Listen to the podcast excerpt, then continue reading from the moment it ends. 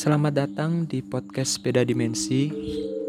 Kali ini aku ingin menceritakan kepada kalian tentang pengalaman mistis pribadiku yang terjadi di tahun 2014. Saat itu aku masih duduk di bangku SMA dan kebetulan aku tergabung dalam keanggotaan OSIS.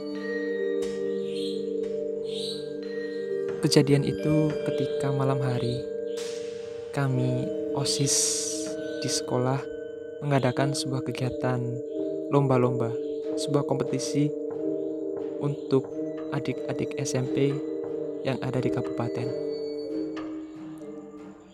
Hari itu adalah Hamin satu kegiatan perlombaan dan kami mempersiapkan kelas-kelas yang digunakan untuk lomba cerdas cermat. Awalnya aku memang tidak pernah ngeh bahwa pengalaman ini akan terjadi kepadaku. Saat itu, kami membagi diri menjadi beberapa kelompok agar kami lebih cepat kerjanya.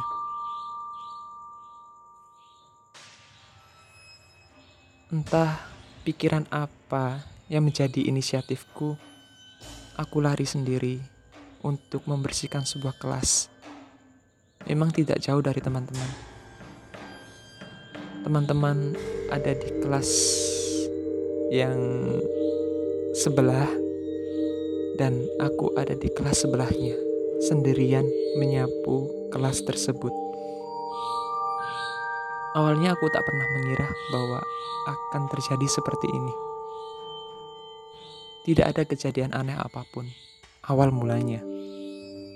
Ketika aku mulai menyapu sampai di depan pintu, dan memasukkan debu ke selokan, aku menemukan segumpal rambut.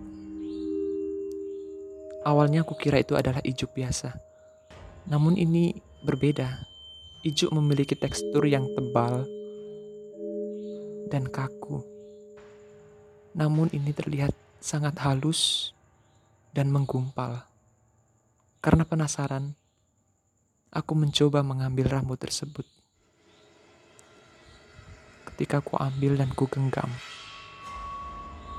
tiba-tiba saja aku melihat sosok bersamaan ketika aku menggenggam rambut itu aku melihat sosok hitam besar gendut tinggi kurang lebih 180 cm memiliki dua tanduk, namun aku tidak tidak melihat matanya. Kami saling bertatapan. Memang singkat banget, kurang lebih sekitar tiga detik kami saling bertatapan. Dan ketika aku menghidupkan mata, dia tiba-tiba lari begitu kencang.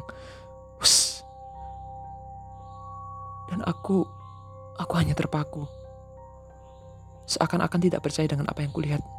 Ku buang rambut itu dan aku mencoba untuk mengejar, mengejar sosok itu. Dan aku tidak mendapatkan jejaknya. Aku masih penasaran dan masih tidak percaya dengan apa yang kulihat. Kemudian aku kembali ke tempat di mana aku menemukan rambut itu dan ku cari rambut itu. Dan kalian tahu, rambut itu hilang. Tidak ada. Apakah hal ini nyata? Aku gak bisa mendeskripsikan apa ini. Aku sangat yakin bahwa aku telah menemukan rambut dan melihat dia. Hitam besar, berbulu, dan gendut. Memiliki tanduk. Namun ketika aku... Ah, hanya tiga detik kami saling bertatapan dan dia tiba-tiba lari, menghilang. Dan ku cari lagi rambutnya. Rambutnya sudah tidak ada. Aku hanya terpaku dan kembali kepada teman-teman. Aku takut untuk menceritakan ini kepada teman-teman. Takut, takut mereka down dan tidak berani untuk melanjutkan kegiatan persiapan kompetisi. Aku menyimpan cerita ini sendiri. Tidak ada siapa pun yang tahu. Dan beban itu kubawa sampai sekarang.